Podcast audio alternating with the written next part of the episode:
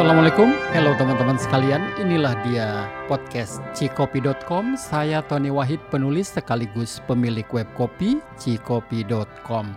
Teman-teman, Anda tidak akan menemukan laman atau website tentang Classic Bean. Tapi buat yang belum kenal tentang nama ini, Classic Bean adalah sebuah entitas atau koperasi yang awalnya diinisiasi oleh Pak Eko Widi Sebetulnya saya sudah lama ingin berbincang dengan beliau, tapi sudah sekian lama kesempatan itu gak datang juga.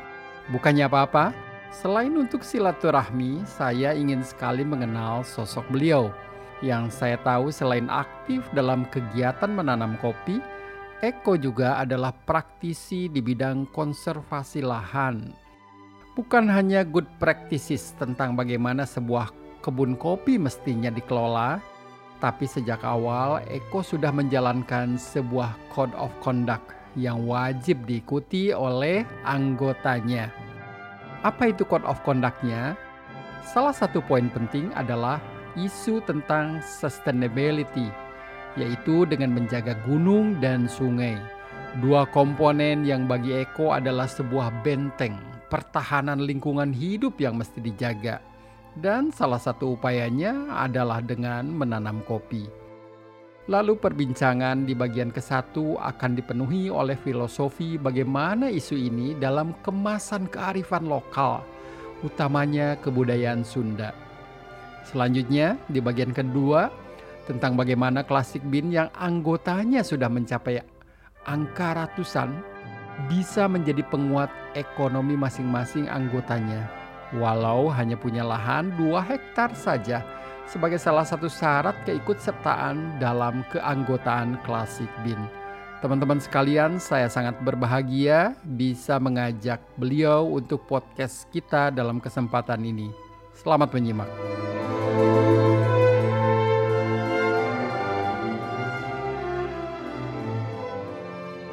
Jadi ada puncak-puncak gunung, daerah-daerah larangan yang secara landscape makanya dikasih nama orang-orang Sunda. Ya itu itu nama namanya ya. ya nama-nama yang di nama-nama dulu itu memang daerah-daerah larangan. Daerah larangan itu kalau menurut landscape landscape Sunda Jawa lah ya Indonesia lah Nusantara lah kalau lihat. Karena waktu kita pergi ke Kelimutu sama prinsipnya. Jadi gentong buminya tuh puncak-puncak gunung sampai ke ketinggian tertentu setelah terhitung mata air utamanya terus terhitung sama itu dari daerah larangan itu udah punya Tuhan gitu. Ini punya Tuhan manusia nggak boleh masuk. Ini tempat tinggal hewan. Semua suksesi alam yang ada di sini itu punya Tuhan. Nah kalau manusia masih ngikutin sistem dulu nggak ada konflik kepentingan. Jadi nggak ada politisi gubernur presiden wali kota bupati yang tiba-tiba bisa bilang bahwa ini daerah konservasi. Nggak bisa, karena semuanya berdasarkan gunung dan sistem airnya. Gunung dan sistem air itu um, hanya berubah bisa ribu, ribuan tahun. Orang Sunda percaya sebuah gunung jadi itu 4000 tahun baru jadi gunung. 4000 tahun baru jadi gunung. Jadi sistem nyusuk gunung itu kayak uh, gunung gunung uh, Pangrango gunung gede ya kan? Dulu ada gunung Liman. Itu sistem nyusunya misalnya kayak sekarang Pangrango ada ada ada anak gunung yang kecil gunung Putri. Ya. itu sistem nyusunya masih dihitung dulu. Dia masih menyusu sama Pangrango enggak kalau dia masih menyusu Pangrango dia belum jadi gunung. Nah itu waktu dia dia setara ini sebuah anak gunung setara menjadi sama sistem airnya ketinggiannya sama itu butuh 4000 tahun. Berarti lama banget kan? Nah sistem gunung dan sungai ini kalau diterapin di konservasi sekarang bebas kepentingan. Karena kecuali gunungnya meletus. Jadi orang nggak ada yang bisa bilang puncak gunung ini boleh dibuka buat wisata. Nggak bisa. Puncak gunung itu uh, tempatnya nggak apa haknya Tuhan gentong buminya. Nah, ini yang kita mau coba pelajari lagi supaya dikasih tahu ke generasi yang muda. Kalau ke generasi yang sudah punya kepentingan-kepentingan, udah jadi pemangku kepentingan nggak bakalan ngerti. tapi kita minimal kita membuka lagi transkrip-transkrip sambil jalan ekspedisi sungai dan gunung sambil sambil ngopi karena kopi ter kopi kan terkait di situ di hutan yang dulu kalau kita zonasinya setelah hutan larangan ada hutan tutupan. Nah orang dulu bikin di bawahnya hutan tutupan hutan talun. Ya, hutan itu. talun tuh hutan kopi sama hutan rempah-rempah. Tapi harus tahu dulu struktur mata airnya dulu. Di Jadi nggak bisa sembarangan. nggak bisa sembarang nah itu nggak nggak rentan kepentingan. Nggak bisa tiba-tiba politisi oh ini oh ini larangan. Nggak bisa karena manusia punya hak buat hidup saya teh udah lama nggak ketemu sama Tony. Makanya ini kesempatan emas. Ta- tahun iraha Terakhir ingat gak yang kata di di istana ya Yang. Di istana tapi nggak Oh, iya. bisa ngobrol di istana nggak ada nggak bisa ngobrol. lah. sebelum itu yang habis di tempat gua Iya. ya kan yang ketemu di acaranya Ya salah satu acara lah. Starbucks ya apa Iya. di Starbucks iya udah Iya. lama pisannya ada ah, empat bulan lima tahunnya Iya. Dan. Belum ada kesempatannya. ini pada orang deh orang Bandung ya. Orang Bandung. Aduh. muter-muter dirinya Iya. Tapi tapi akan sehat alhamdulillah. miring bingah Iya. Sama kan? siap siap nuhun Waduh. Jadi udah jalan-jalan ke mana aja? Ah, Atau kegiatannya apa sekarang? saya nggak punya kegiatan sekarang Nah, Nah, kenapa? jadi kalau op- eh, kalau kopi dan segala macam operasionalnya kan sudah lewat maksudnya sudah lewat sudah lewat sudah delegasinya sudah banyak kayak Uden itu masih muda-muda kan Imas Ani Ama semuanya kan udah jalan jadi pun di daerah-daerah yang dulu Itu tuh siapa? Namanya? Uden. Uden. Ah, Uden Ya. tadi mau kenalan tapi nunggu ngobrol sama Ya. Teh Mia Megan Megan lagi di eh, Cukil. Cukil. Jadi pokoknya sudah delegasi semuanya. udah. Sudah delegasi semuanya. Dan dan kita nggak sistem delegasinya nggak sistem nanti jadi hierarki naik kan? Jadi gimana tuh? jadi nggak ada kalau kata Pak Christian nggak ada politik per- politik kantor. Jadi nggak ada politik kantor. Jadi semua yang yang di deleg jadi nggak ada jangan-jangan semakin tinggi semakin tinggi gitu. Iya. Terus nanti harus ngontrol ngontrol ngontrol. Terus nanti kalau uh, satu orang ngomong A sampai di sini di Z enggak. Kita semua uh, yang yang kita delegasi semuanya di sini. Semuanya di titik-titik. Jadi semua bisa ngerti. Jadi kayak sarang laba-laba. Jadi semua sama. Semacam kolektif gitu ya. semacam kolektif. Jadi misalnya untuk hal-hal kecil saya masih tahu. Uden juga mas masih tahu. Jadi kita masih bisa ngurusin yang kecil-kecil. Misalnya ada sumbangan apa kelurahan urusan babinsa masih bisa ketemu gitu. Iya. jadi kita nggak nerima laporan. Kita delegasi tapi sistem kita kita di bawah semua. Kita di tengah bareng sama semua. Sama. sama. Sa- persis sama Mas Christian ini timnya dia. Jadi kerjanya lebih ke tim. Bukan individu. bukan individu bukan juga menjadi hierarki jadi perusahaan gitu yang jadi akhirnya ada politik perusahaan jadi yang ini mau cari muka ke sini padahal yang baik ini gitu. Karena kita semua di sini jadi Nah, Sama-sama aja. sama-sama. Karena waktu kita bikin koperasi itu prinsipnya Rita teh kan kita ada ada sial. Manusia kan ada ada ada untung ada sial gitu. Ada untung teh apa sih bahasa Indonesia nya Untung. ya untung. Ada ada hari baik ada hari kurang baik ada yang baik ada ada naas ada baik gitu kan nah kalau kita berkooperasi berkolektif semua yang naasnya ketutup yang punya saya ketutup Uden ketutup Denny ketutup Imas ketutup apa jadi akhirnya kita terus bergerak maju organik Saling menutupi ya. Iya, saling menutupi semua kekurangan. Pun dalam operasional kita saling menutupi. Nah, setelah ini semua lewat, kemudian tahapnya kita karena kita fokusnya di konservasi, sekarang saya lebih ke ngurus gunung dan sungainya supaya kita punya catatan nanti. Karena ternyata kopi itu arabica terutama itu pertahanan terakhir hutan-hutan seluruh Indonesia. Karena kenapa? Nggak ada nggak ada konflik dengan kelapa sawit misalnya. Kan nggak ada konflik karena kelapa sawit di bawah kita di atas. Nah, kalau kita hutan yang terakhir ini hilang, gunung-gunung terakhir ini hilang, pertahanannya apa lagi? Ternyata setelah dari kopi, terus kita ngurus eh, belajar dari kopi kita belajar konservasi, kemudian kita baru baru sadar bahwa sebenarnya kita ini eh, penggiat kopi di Indonesia, di Indonesia lah dulu ya, itu Iya. adalah pertahanan terakhir dari sistem konservasi gunung dan sungai kita pertahanan terakhir. Hutan ini nggak boleh hilang.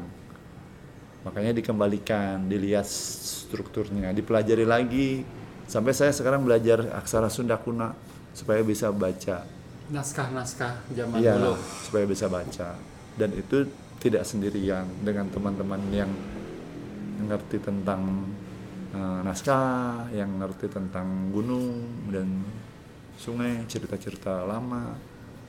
Itu kita gabungin semua. Tujuan utamanya juga ya itu tadi kalau kita jadi benteng terakhir, ketika kita tahu eh, mudah nanti buat kalau terjadi bencana kita udah tahu ini mitigasinya ke sana ke sana ke sana ke sana. Kan butuh waktu lama. Nah, makanya saya keluar dari kopi. Bukan keluar dalam hal terus saya nggak ngurusin kopi lagi enggak. Masih. Masih tapi lebih banyak ke eh, membawa orang, mem- membawa diri sendiri juga buat belajar tentang struktur gunung dan sungai. Bisa dulu. Filosofinya dalamnya kan Lumayan sih. Gara-gara kopi kan. dari kopi itu ya. dari kopi karena dari kopi setelah kita belajar air ya kan setelah kita belajar semua semuanya kita jadi tahu oh ternyata orang-orang yang peduli lingkungan itu berkumpulnya di kopi semua Kang Adi Christian Roko ini murid-murid 5758 udah berapa yang mereka kepeduliannya sangat tinggi sama lingkungan. Cuman kan kita semua nggak tahu mau pakai referensi apa. Misalnya kita cuman mau ikut cagar alam, eh, save cagar alam, save mata air, save ini, tapi kita nggak tahu dulu sebenarnya ada sistem nggak sih yang bebas semua kepentingan. Ternyata ada sistem sistem gunung dan sungai itu bebas semua kepentingan, kecuali ada letusan. Kecuali ada letusan. Dia ada letusan karena sistem airnya berubah. Oleh sebab letusan. Iya, sistem air berubah, sistem vegetasi semua berubah, nanti berubah semua. Daerah-daerahnya berubah. Tapi kan ketika itu terjadi, kit- mungkin kita tidak hidup di situ. Kita kita kita em, kita mengungsi, ya kan? Nanti waktu ini udah balik, udah balik lagi, baru kita bisa bikin catatan. Awalnya dari kopi, saya cerita panjang tesawios ada satu teman yang kemudian dari kopi kita kemudian kenal orang-orang IV. IV itu eh, kebudayaan Perancis. Di sana ada kegiatan-kegiatan kayak ilmuwan-ilmuwan eh, bikin eh, presentasi buat jurnal jurnal penelitiannya dia. Satu masa eh, saya diundang, entah kenapa tuh saya diundang, mungkin karena kita nggak tahu. Tapi yang jelas karena kopi waktu itu karena kita nyeduh kopi apa semua kita diundang. Nah waktu pemaparan itu ada satu ilmuwan Prancis yang memaparkan tentang letus rekonstruksi letusan Gunung Samalas. 1257 Jadi balik lagi yang tadi filosofi tentang gunung begitu gunung dan air begitu tingginya. Jadi yang tadi udah diceritakan ya. Saya juga sampai terengah-engah. Sedalam itu kah? sedalam sedalam itu jadi peradaban kalau kita lihat di sejarah leluhur kita nih kepulauan kita Ya. itu tidak manusia yang buat. Gunung yang buat. Gunung itu peradaban. Peradabannya dimulai dari gunung baru kemudian ketika sudah sempurna baru manusia tinggal. Dan itu terus menerus dan peradaban gunung itu terus menerus terjadi. Sampai kapan pun. Contoh misalnya em, minggu lalu kita kedatangan orang Thailand. Tapi dia ngotot mau belajarnya di Sumatera karena kebetulan saya ada marga hutasoid kan saya dari kopi ditarik jadi marga hutasoid nah, dulu tinggal 11 tahun di desa kecil di Lintong Huta ya kan ini sedikit background. Nah waktu dia ke balik ke saya di Jawa aja tuh di Jawa Barat. Banyak kopi ini di hutan. Mah enggak, enggak saya mau ke Sumatera gitu. Jadi ngotot pengen Sumatera akhirnya kan kita ke Sumatera. Mereka datang dari Thailand kan ketemu di Lintong di Lintong di hutan terus akhirnya kita ngobrol terus temuin sama petani-petani terus lihat kopi yang ada hutannya bentuknya. Terus ketemu petani-petani yang lama dulu dulu pernah saya tinggal di sana 11 tahun masih pada ingat. Terus kan kita terangin nah ternyata kalau kita urut lagi ke belakang ya kan kalau kita lihat tentang peradaban akhirnya kan kita banyak diskusi. Terus akhirnya kan karena saya eh, pengen tahu kenapa sih kamu pengennya ke Sumatera. Nggak tahu kita pengennya ke Sumatera. Kita pengen ke Jawa. Terus saya bilang ke mereka kalau kamu mau lihat sejarah pembentukan Sumatera saya bilang coba lihat lagi nih sejarah pembentukan Sumatera berdasarkan kejadian eh, naiknya Bukit Barisan. Akhirnya saya kasih tahu nah, Sumatera itu adalah eh, semua sedimen dari Burma ke Thailand itu berhenti di Sumatera ketika Selat Malaka belum ada Saat itu Selat Malaka nggak belum ada. ada. Jadi semua sedimen-sedimen dari bawah itu ketika hujan sedimennya turun turun terus berhenti di Sumatera. Jadi mungkin karena itulah kita ini sebenarnya kebagian untung dari kamu, saya bilang gitu. Peradaban kita Sumatera itu karena, karena sebagian tanah Thailand, Thailand Burma turun jutaan tahun turun ke sini berhenti di sini. Kita berhutang sama mereka. Kita berhutang sama mereka.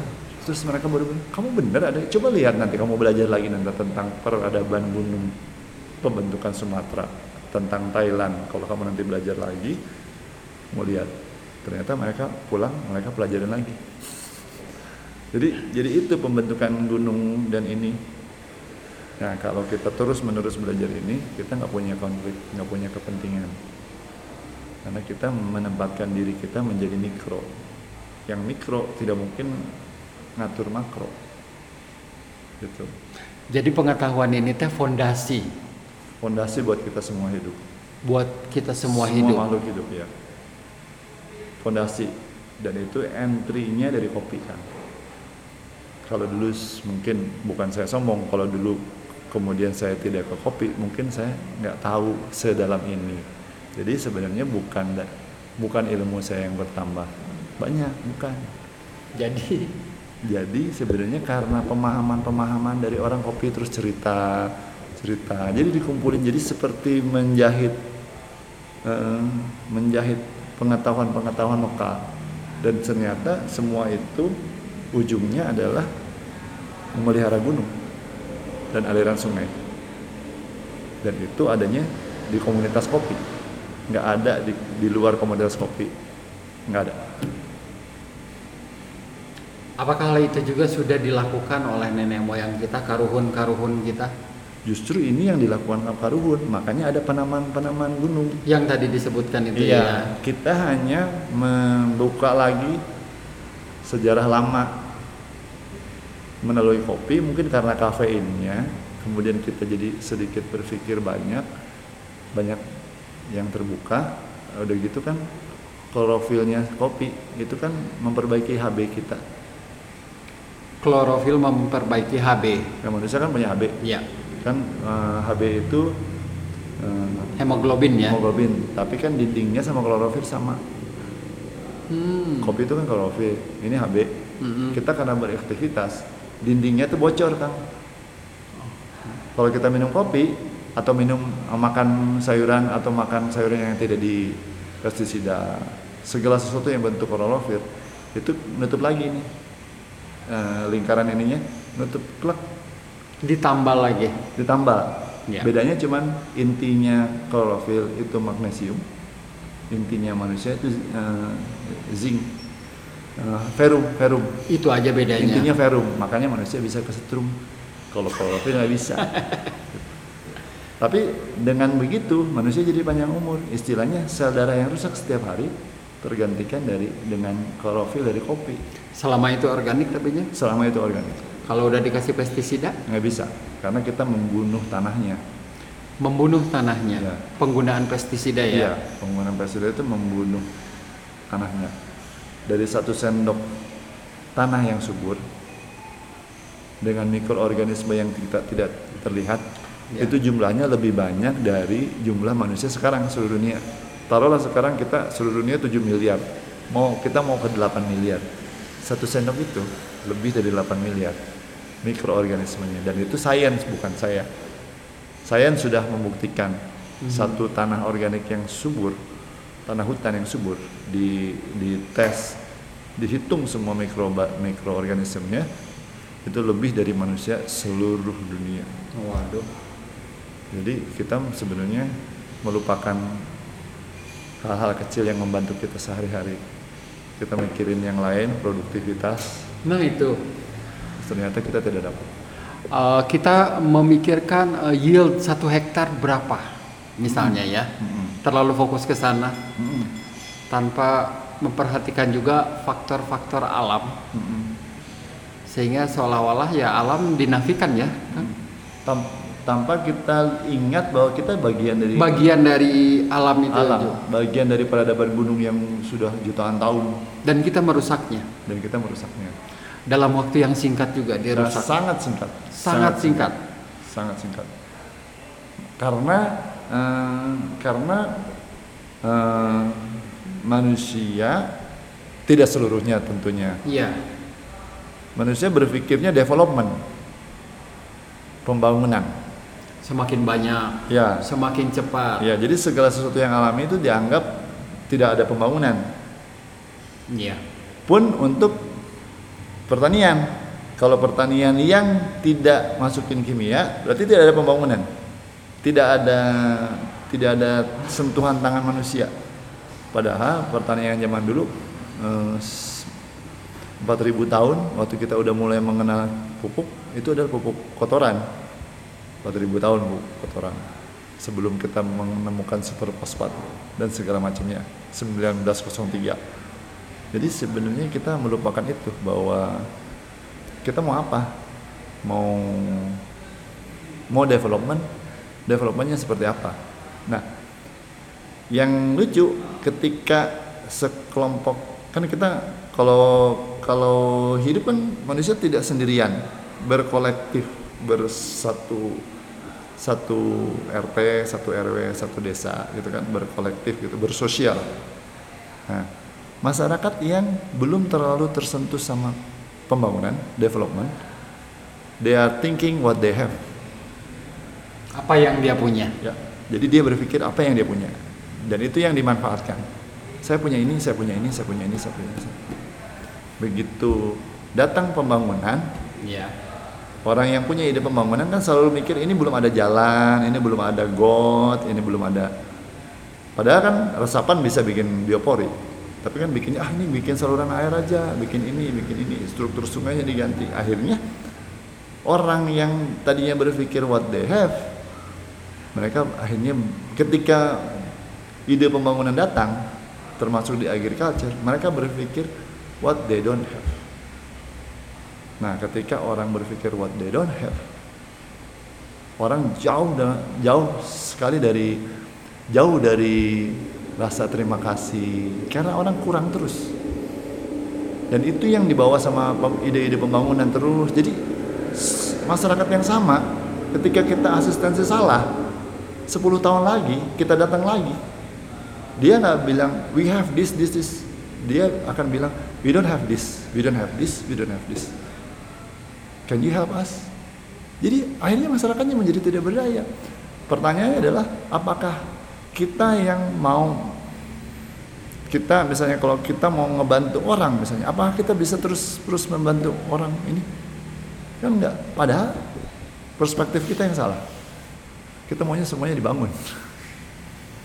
Mungkin eh, anggapan kita terhadap indigenous people kan, bahwasanya mereka itu uncivilized. Iya. Padahal sivilisasi itu adalah peradaban gunung, bukan peradaban manusia. Kalau Mereka kita- memanfaatkan apa yang ada kan indigenous people. Iya. Mereka thinking what they have kan. Iya. Jadi indigenous people selalu berpikir apa yang kita punya. Dan itu pun masih banyak di desa-desa pun di di kota seperti Bandung juga masih banyak orang-orang yang berpikir punya filosofi masih banyak seperti masih itu. banyak masih banyak yang ya mereka berkompromi dengan dunia yang modern tapi masih banyak yang punya berpikiran seperti itu. Itu cuman memang nggak nggak nggak kelihatan. Karena secara global dunia semuanya ke pembangunan. Iya. dan kalau pembangunan ini terus menerus berarti semua alam nanti habis. Karena semuanya harus dibangun. Iya. lihat sawah terasering harus dibangun. Harus oh ini harus dibangun ini harus dibangun ini. Nah ide ide pembangunan ini yang merusak merusak ekosistem Zaman dulu tuh Kang ya eh, nenek moyang kita mungkin masih ada sampai saat ini mau menebang pohon saja sampai minta izin. hmm. Mm-mm. Saking apa ya? saking sayangnya Saking sayangnya saking sayangnya ada sedikit sajian iya apalagi ya waktu itu tuh. Ya pokoknya mereka memohon izin, maaf ini pohon akan ditebang. Mm-mm.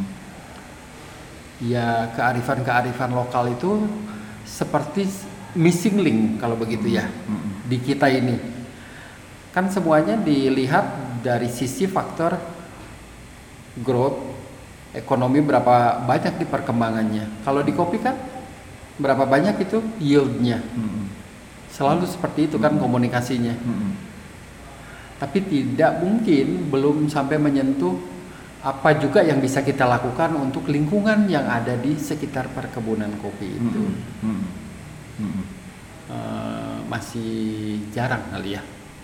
Masih jarang ya? Iya. Masih jarang. Dan kalau kita lihat kalau kita mau jujur dengan negeri kita kita ini kan rata-rata kebun kopinya organic by default. By default itu artinya organik tapi tidak dirawat Didiamkan Ya, saja. didiamkan aja leave it, leave it to nature. Bukan intensi manusia ya. Bukan. niatnya manusia bukan, nah itu justru sebenarnya itu kelebihan Indonesia. Hmm, jadi em, banyak petani-petani kopi yang cuma nggak nggak kopi itu salah satu yang tidak di pestisida di Indonesia. Tidak di pestisida tidak di tidak di hampir tidak dirusak lah. Ada kalau ada pun sedikit nggak terlalu banyak nah nah kalau kita terus di track ini 10 tahun lagi gitu kan ketika negeri lain penghasil kopi udah ngasih input banyak. Vietnam inputnya udah banyak banget. Brazil banyak banget inputnya. Kalau kita lihat perspektif negeri kita 10 tahun yang akan datang kita akan jadi winner kalau kita tetap seperti ini organic by default. Biarkan saja. Biarkan aja. Nah, terus terus itu yang kita sebenarnya kemudian lupa. Tapi kayaknya kopi masih banyak yang organic by default. Tanah kita masih lumayan bagus. Ketika nanti 10 tahun lagi Vietnam udah jenuh Brazil udah jenuh tanahnya kita udah the win, jenuh. ya kita the winner. Kita jadi pemenang. Dan kita ketika kita jadi pemenang em, konsumsi lokal kita bagus orang nggak bisa dapat kopi kita bagusnya itu ya? Bagusnya gitu. Jadi kita makan produksi kita yang sehat. Diminum gantiin HB-HB yang rusak. Orang Indonesia nanti makin yang muda-muda makin banyak yang konservasionis. Karena pasti airnya kan akan di kalau orang kopi akan menjaga airnya. Airnya akan dijaga. Semuanya akan terkoneksi dengan dengan sendirinya bagian integral dari bagian sebuah integral yang sebenarnya kita tidak berpikir di masa lalu waktu kita mulai kopi. Waktu itu. tidak ada yang ber- ber- berpikir ke situ. Tapi karena sifat kopinya sendiri yang membuat membuat ini perubahan. Dan dan kalau kita lihat sejarah Bandung ini kan titik nol kopi dunia. Ketika kopi menjadi komoditas ya kan? Ekspor pertama kopi kan dari kita kan di sini ditanam. Pun terlepas dari apakah benar Belanda yang bawa atau tidak. Iya. terlepas dari perdebatan itu. Iya. tapi kan cat- sejarah mencatat bahwa abad ke-17 kita ekspor pertama kopi. Nah, kopi menjadi komoditas yang banyak sekali bisa dirasakan oleh orang banyak. Kita kan titik nolnya bukan di Ethiopia, bukan di Afrika bukan. Afrika. titik nolnya kita. Kalau kita tidak mulai perkebunan dulu, tidak ada perkebunan kopi seluruh dunia. Kan itu sejarah. Nggak ada yang bisa ngelawan. Titik nol kopi ada di Indonesia. Ada di Java. Ada Makanya di kan Java. semuanya tulisnya Java. Kalau kopi itu dulu kan Java. Ya kan? Sampai sekarang, kan? Sampai sekarang. Java itu kopi. Jadi kita tuh titik nol. Kita tuh eh, kita titik tolak keberangkatan. Kalau kita balik lagi ke budaya kita, makanya pembangunan ekonominya ke berbasis ke budaya, kita udah lakukan dulu. Tapi itu menarik itu. Java kan disebutnya. Iya, Java. Walaupun misalnya kalau di Ethiopia yang atau Arab kahwah mestinya. Java. Iya. Ini mah malah Java. Java. Yang lebih dikenal. Iya. Yang lebih dikenal. Iya. karena eh, karena kita yang mulai banyak mulai mulai metode perkebunan hutan talun itu tadi hutan talun itu dulu eh, kebiasaan masyarakat kita itu adalah berputar keliling gunung membentuk hutan talun. Hutan talun itu dulu yang kemudian menjadi kekuatan kita jualan rempah-rempah. Karena dulu kebunnya di di hutan di hutan talun di bawah. Bukan di hutan larangan di bawah.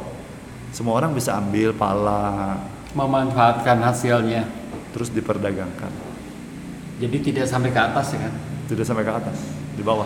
Karena buah-buahan tidak tumbuh di atas. Iya. tumbuhnya di di dataran yang Hmm. menengah. Itu yang kemudian men- menjadi negeri kita kaya raya. Subur makmur gemah ripah. Bahkan dulu pala bisa jadi obat skorbut. Waktu Eropa konon Eropa banyak masalah dengan kesehatan sembuhnya dari pala dari rempah-rempah. Itu kan hasil nenek moyang bikin zonasi gunung. Di sini jangan ditanam apa-apa ini biar ini ini hak Tuhan. Di sini hutan tutupannya bawah kita bikin hutan talun. Semua masyarakat indigenous puter keliling gunung. Bikin hutan talun. Jadi ketika kerajaan-kerajaan jadi mereka hanya berdagang ini aja. Nggak sampai merusak sampai ke atas menanam-nanam. enggak enggak sibuk bikin kebun Tidak sibuk bikin kebun. Iya. Tidak sibuk investasi kebun. tidak sibuk tidak sibuk semua hanya ngejaga tanahnya masing-masing itu jalur sungainya yang dijaga jalur sungainya yang dijaga sampai muara itu yang dijaga Jangan sampai itu keganggu. jangan sampai itu keganggu dan dulu tidak keganggu makanya Sumatera dibilangnya Suwarna Dwipa karena kan emasnya kelihatan di sungainya Luar biasa ya. bisa diambil. Kemudian kita jadi serakah digali Dan putuslah itu aliran sungainya. putus lah semuanya. Selesai. Heeh, selesai kita. Nah, kita mau nanti anak cucu mau gimana? Kan nggak mungkin kita meninggalkan kerusakan.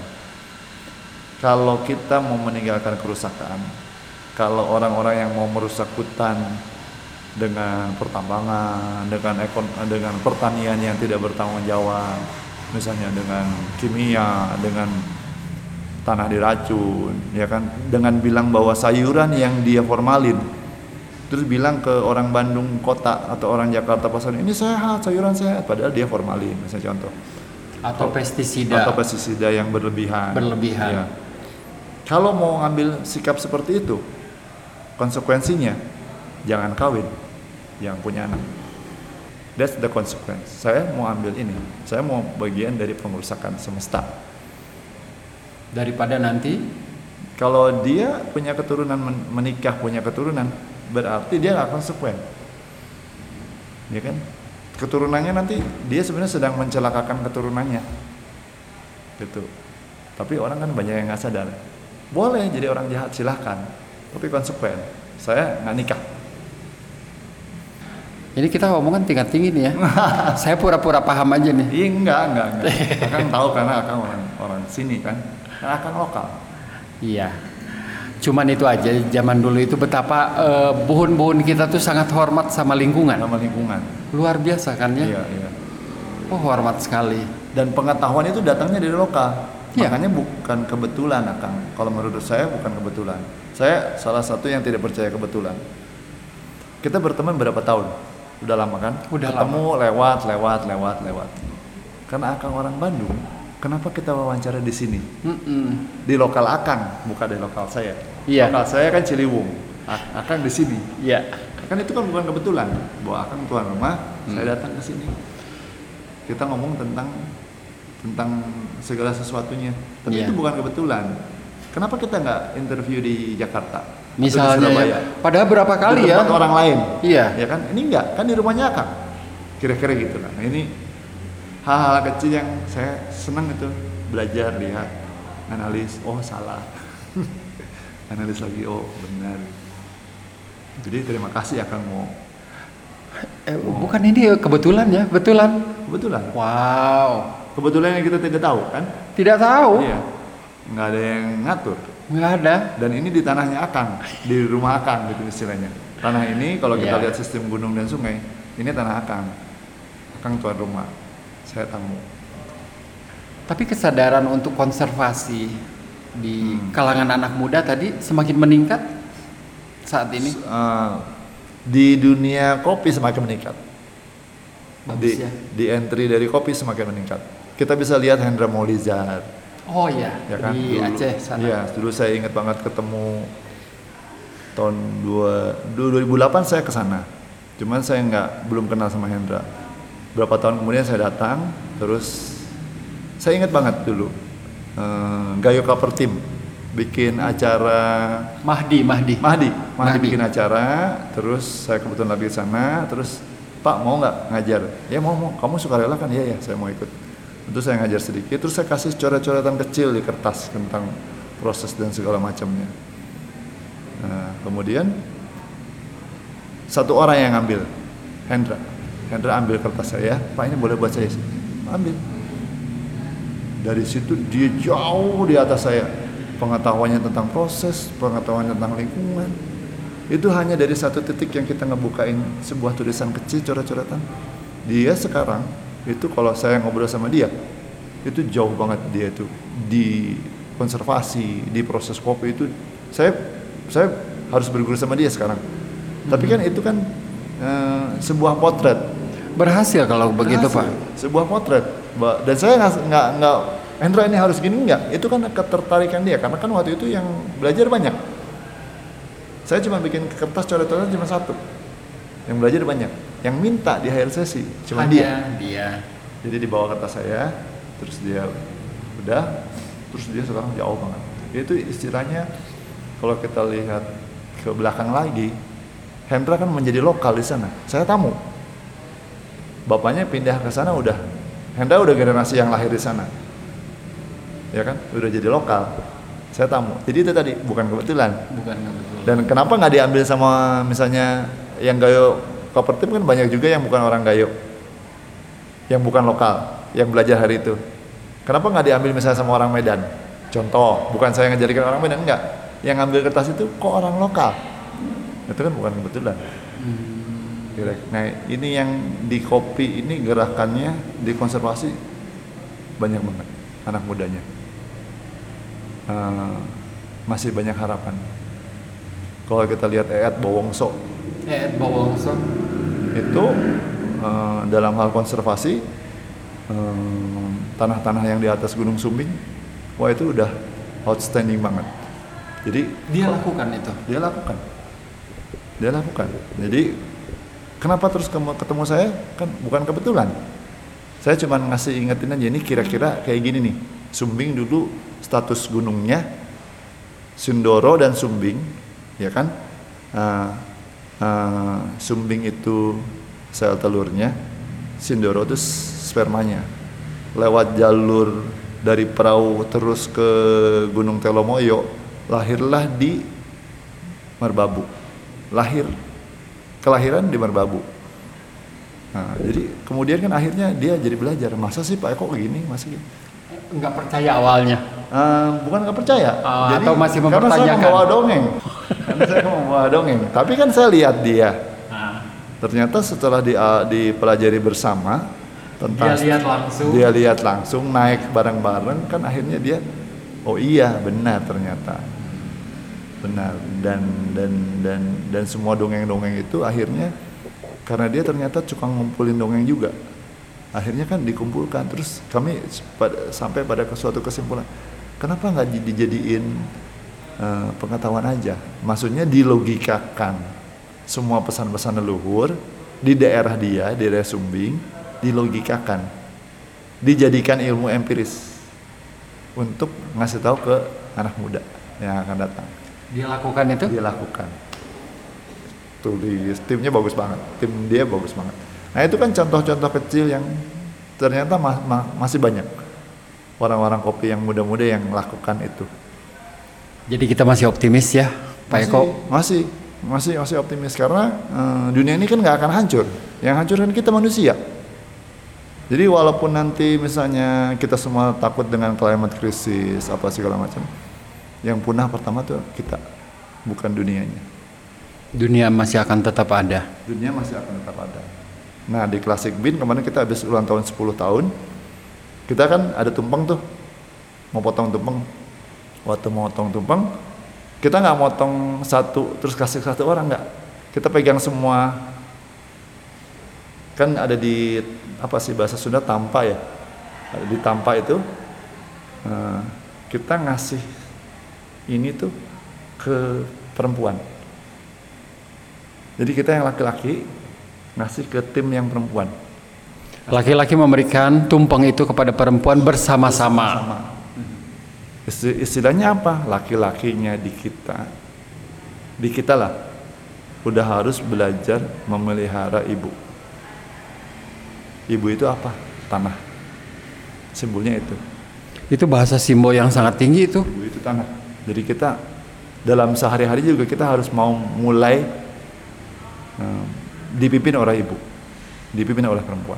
Harus mau. Karena kita sekarang udah mulai wajib wajib merawat ibu, merawat tanah. Siapa lagi yang merawat kalau bukan itu? Tanah kita injak-injak, kita racun, kita apa? Masih tumbuh pohon di situ. Masih memberikan hasil. Masih memberi kita makan. Jadi siapa bilang bahwa kita itu dikasih makan sama uang? Salah itu ya? Salah. Tanah yang yang menumbuhkan kacang hijau, menumbuhkan kopi, menumbuhkan mangga, menumbuhkan padi yang udah kita racun, kita injek-injek masih dia tumbuh. Tanah yang menghasilkan buat kita makan. Ya. Dari situ saja kita melihat bagaimana ya kita sudah memperlakukan tanah sedemikian rupa, dia masih memberikan hasil kepada kita. Iya. Sebisa mungkin. Sebisa mungkin. Saya pernah uh, karena perjalanan-perjalanan sering di desa. Ada satu desa yang namanya di Kalaciri. Lokasinya di? Lokasinya di Gunung Latimojong. Dulu saya sama Radi di sana. Jadi dulu saya beberapa bulan di sana, kemudian dilanjutkan oleh Radi tinggal di sana. Ada satu anjing namanya anjing Paramli. Saya lupa namanya. Tapi anjing, anjing kampung maksudnya. Anjing kampung. Tapi anjing ini sangat agresif. Waktu saya di sana, saya suka ngasih makan roti apa yang saya punya. Jadi ketika tiga tahun kemudian saya balik ke sana, waktu kita lagi kumpulan sama petani-petani, anjing itu terkenal agresif, suka ngejar orang malam, kadang-kadang gigit. Hmm. Waktu saya datang, orang itu bingung, kok anjingnya nggak galak ya? Terus dalam hati saya anjing ini nggak ingat sama saya. Kemudian kita duduk rame-rame makan ayam karena uh, ada tradisi kan di sana. Ada ibu-ibu yang bilang ke saya waktu itu, Pak terima kasih ya karena ilmu karena ilmu. Desa ini tahun ini mem membangun 10 rumah. Itu oh saya itu namanya kebahagiaannya nggak nggak terhitung itu nggak terhitung dengan nilai uang. Karena saya tahu rumah. 10 rumah. Saya tahu persis desa itu. Kalau dia bilang 10 rumah dibangun berarti itu angkanya valid. Karena orang di desa itu bangun rumah itu bersama-sama kolektif dua minggu, jadi bukan pakai kontraktor gitu. Dua minggu rumah selesai. Rumah panggung dua tingkat dua minggu selesai. Yang punya rumah hanya nyediain makanan. Jadi sebelum rumah itu dibangun yang punya rumah hanya menyediain bahan hmm. minta ke kepala desa mau ngambil di hutan. Karena waktu mau menikah mereka harus nanam pohon dulu. Harus sebelum nanam, menikah nanam pohon dulu. pohon dulu. Nanti ketika mereka mau punya rezeki mau bangun rumah mereka minta ke kepala desa mana yang bisa dipotong? Mereka potong mereka potong mereka punya biaya potong angkat dari hutan yang sudah mereka tanam. Bukan hutan larangan ya yang yang masih di bawah-bawah itu? Ya yang masih di bawah-bawah itu. Terus mereka eh, siapin bahan-bahan. Ketika satu bulan rata-rata bahannya selesai terus kemudian dua minggu rumah itu jadi. Satu kampung bikin rumah dua minggu selesai. Jadi kalau orang Latimojong itu bilang 10 rumah dibangun pak. Itu valid angkanya. Itu saya nangis tuh. Tapi waktu malam itu waktu kita diskusi di di di di, di kampung di desa itu Kalaciri em, habis makan anjing itu masih ada kang. Jadi tulangnya kita kita kumpulin. Saya sengaja itu tulangnya kumpulin terus dikasih ke anjing itu di depan kita semua kan anjing itu kuda kuda kuda terus terus orang pada lihat kan ini anjing saya kena. Oh iya pantesan nggak galak sama bapak dia bilang gitu kan. Ya karena dulu saya pernah kasih makan. Tapi kalau kita lihat sekarang kita berhenti sejenak lihat ini. Saya kita semua kasih tulang ke dia. Dia bersyukur sama kita. Coba kalau saya ngasih ke bapak tulang bapak pasti marah sama saya. Nah di situ kita sabah di situ kita harus sadar bahwa sekarang martabat kita itu di bawahnya anjing. Ketulusan kita ini menerima. Iya di bawahnya hewan. Kita ini ketulusannya udah di bawah hewan. Hewan dikasih tulang aja. Dia terima kasih. Dan akan mengingat selamanya. Akan mengingat selamanya. Mana kan kita, kita nggak. Nah, makanya eh, terus akhirnya kan jadi diskusi panjang tuh. Terus akhirnya kita sampai pada konklusi. Seperti yang Megan bilang saya sering ngobrol Megan sering ngobrol sama sama saya Em, Pak em, kalau kita berdoa minta doa ke manusia itu ada batas Pak iya kan terus gimana tapi kalau kita sehari-hari merawat tanah merawat air merawat pohon merawat anjing, merawat kucing, itu semua pak doa mereka itu tulus buat kita pak. Nggak ada konflik kepentingan pak. Benar juga ya. Jadi yang membuat kita sebenarnya menjadi selamat, menjadi sehat itu sebenarnya doa-doa eh, air, tanah, pohon, semua yang kita rawat itu doa mereka pak. the best deal in the world itu pak ya The best deal in the world. Itu Megan akhirnya menyimpulkan gitu. Tapi malam itu kita juga, iya ya, kita semua iya ya. Jadi kita belajar bahwa kita sebenarnya saat ini pemahaman kita tentang tulus masih jauh masih jauh. Jadi kita jangan menganggap bahwa kita makhluk sempurna, jangan dulu. Singkirkan dulu ini. Walaupun memang kita dibuat sempurna, tapi singkirkan dulu ini karena ini nanti perasaan kita makhluk sempurna itu itu membuat kita menjadi lupa untuk self koreksi koreksi diri bahwa kita sebenarnya ketulusannya jauh banget sama anjing menyentak ceritanya kira-kira gitu. Nah, obrolan-obrolan kayak gitu dengan bahasa yang sederhana, terus selalu di lokal, selalu di selalu dengan penghargaan terhadap eh, kultur-kultur lokal. Itu itu yang eh, yang membekas di di karena kita tidak menjadi guru, tapi kita hanya berbagi cerita. Kita tidak menempatkan diri menjadi guru tidak. penghormatan kepada alam alam yang akan memberikan semuanya Iya. kepada kita saya juga ingat ya zaman dulu itu kalau kita kencing mengencingi pohon itu pamali banget Iya, baheula mah. iya nggak boleh Iya. Tapi itu hilang kan? hilang ya orang bisa kencing aja sembarangan Iya. dulu oh bisa dimarahin sama orang tua Iya, kan Memang. Jadi kalau dulu padahal kalau mau misalnya ini aliran sungai, kalau kita mau kencing kita mesti mesti melangkah 40 langkah ke sini ke naik terus tidak bisa menghadap sungai ke sana. jadi tidak mengganggu Tidak mengganggu. sembari sungai itu Enggak. sekarang mah ya kencing aja Sekarang sekarang sungai jadi aliran pembuangan. Itu problem kita. Jadi siklus DNA kita nggak balik. Siklus DNA-nya aliran sungainya tidak balik. Jadi karena ini terus terkontaminasi. Nah ini yang perlu di, eh, di, di, dimurnikan.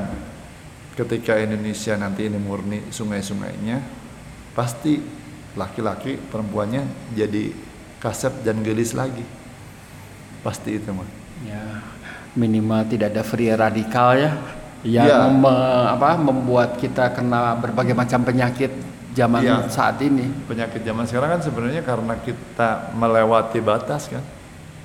Melewati batas, melewati batas. Makan sampai sekenyang-kenyangnya Iya, melewati batas. Kita melewati batas. Gula sebanyak-banyaknya. Ya padahal di kopi kita belajar bahwa untuk nyumponan katanya. Ya orang sepuh kolot dulu bilang untuk nyumponan diri butuh asam eh, pahit amis eh, apalagi sih? Asin ya. Ini kan semua di kopi ada asam ada amis ada pahit ada. Kan tinggal satu lagi yang ada asin. Kalau kita minum kopi kan kita udah punya tiga. Tinggal satu garam. Garam itu mineral dasar kan? Mineral dasar semua makhluk hidup. Cukup kita dengan ngopi dan garam misalnya contoh. Tapi kan istilahnya di dulu kenapa di dulu ada pemahaman bahwa buat nyumponan gitu kenapa di kita hilang gitu? Di ilmu modern itu hilang nyumponan bahwa tubuh itu minta ini. Kenapa kita lupa? Nah, Ya, malah dikasih yang lain.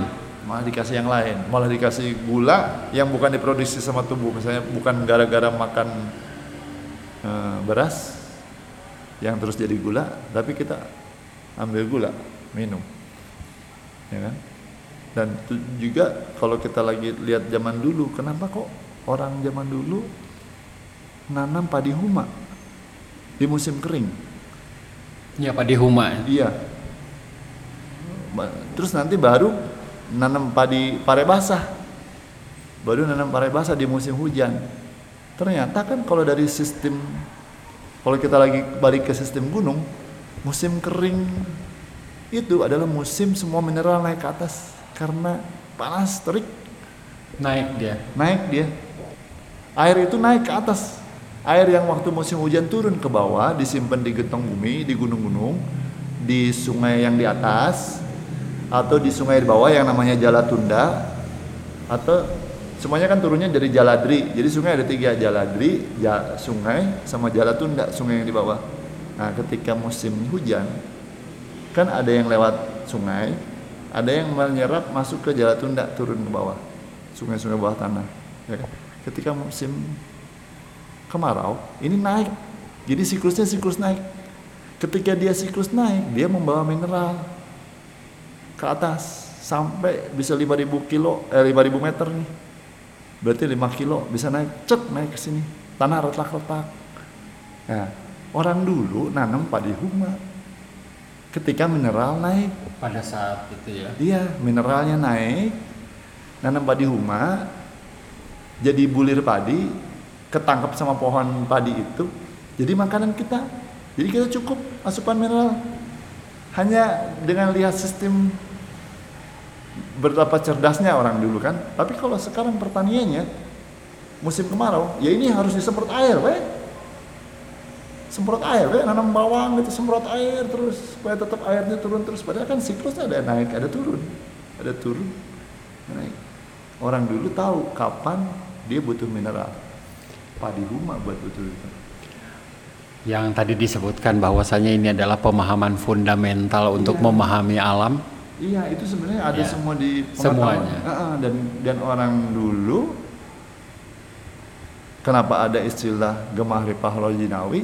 Oh ya Karena filsafat udah pernah ja- jadi dulu. Dari betapa sistem makanannya aja mineralnya cukup. Dari hutan talun eh, kesejahteraan tercapai, bisa dagang kok. Sampai orang Portugis datang buat dagang rempah-rempah. Itu kan karena hutan talun. Nah, ini yang kita mau ingetin lagi. Dulu Gemah Ripah jadi udah ada. Orang-orang dulu ada istilah eh, Gus eh, man, eh, kaula manunggaling Gusti. Ya, bersatunya kaula. keilahian. Iya oleh dengan Gusti. Tapi Gusti itu kalau zaman dulu nggak semata-mata hanya Gusti Allah. Gusti itu adalah orang yang kalau sekarang mah akang misalnya. Akang punya anak buah satu desa gitu. Akang jadi gusti, saya jadi kaula. Misalnya, Akang wajib maraban saya, wajib memberi saya nafkah. Nah dulu ketika manunggal, pemimpin memberi nafkah penduduknya. Penduduk apa capaian tertingginya? Ketulusan. Jadi pemimpin harus tulus bahwa saya memang dipilih untuk memimpin. Yang jadi anak buah, jadi rakyat, ya menerima. Saya cuma bisa jadi rakyat, cuma bisa tenaga, cuma bisa ini. Ya saya ikut. Nah itu sistem itu yang membuat dulu eh, Sriwijaya maju, Majapahit maju, Luar biasa terus, dulu ya. eh, Kalingga, Kalingga. Galuh, sistem itu dengan sistem itu melalui hutan talunnya semua gusti eh, manunggal sama kaula manungganya kenapa memberi nafkah bukan ngambil pajak dulu kasih nafkah dulu baru ngambil pajaknya. Jadi sistem ini belum pernah ada lagi belum ada lagi di sistem modern sekarang. Nah sistem yang dulu-dulu itu kalau digali lagi bisa buat bekal kita di, di tengah-tengah kita yang frustasi lihat misalnya lihat alam rusak lihat orang keracunan oh eh, karbon terlalu banyak kan. minimal kita belajar ada ada titik terang Iya. Betapa manusia itu sudah merusak dengan waktu yang sangat cepat ya. sangat cepat dengan waktu Dibanding dengan cepat. ribuan tahun formasi gunung dan air. Iya. dibanding dengan formasi gunung dan air Iya. Iya. 4000 tahunan. Iya. Dan Jawa itu dengan gugusan gunung kendengnya dengan subduksi Australia sama eh, Euro Eurasianya itu terjadi kan 100 juta tahun lalu. Jawa baru sempurna 25 juta tahun lalu. Sempurna semua gunung kendengnya jadi dari Gunung Limban terus sampai sini Malabar sampai sana sampai Gunung Raung Raung jadi terus baru ngebentuk gunung-gunung tambahan Nah, baru meletus Gunung Sunda 2 juta tahun yang lalu. Jadi sistem-sistem ini dibuat sama Gusti buat kita. Disempurnakan sedemikian lupa buat kita. Gunung semacam pasak bumi. Iya. Negeri mana yang punya gunung sebanyak kita nggak ada. Nggak ada. Nggak ada.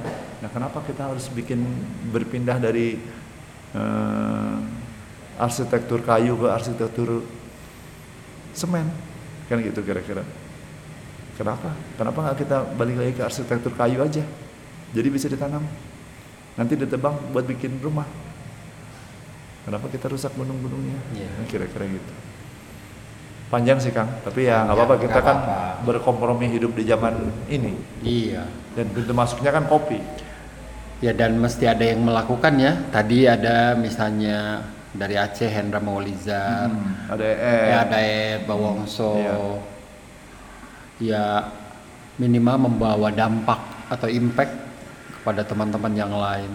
Ya, Filosofi-filosofi yang begini banyak dilupakan. ya. Ya ya tadi kecepatan manusia untuk merusak bumi, lautan itu luar biasa. Hmm, luar biasa. Hanya dalam jangka waktu beberapa puluh tahun saja bagaimana laut sudah dijadikan tempat sampah kan. Ya, Sedih melihatnya ya. ya, ya. Ya. Tapi ada harapan Mhm. karena misalnya kalau kita lihat tentang tentang sampah, sekarang kan orang udah mulai mulai nggak ada mulai ada kampanye nggak ada sedotan, Sedotan. ya kan? Itu kan percepatannya cuma nggak sampai dua tahun percepatan kampanye Iya, itu. iya, iya. Jadi sebenarnya ada kekuatan yang kita tidak lihat di diri masing-masing orang yang kita tidak lihat. Dan itu tidak di perusahaan-perusahaan, Enggak malah. Enggak, di orang-orang akhirnya membuat gerakan walaupun belum punya belum sampai ke titik karena kita masih berjalan ya kan tapi kan udah kelihatan percepatannya dua tahun udah Udah mulai banget. banyak tuh yang tidak menggunakan. cepet banget perputarannya Iya.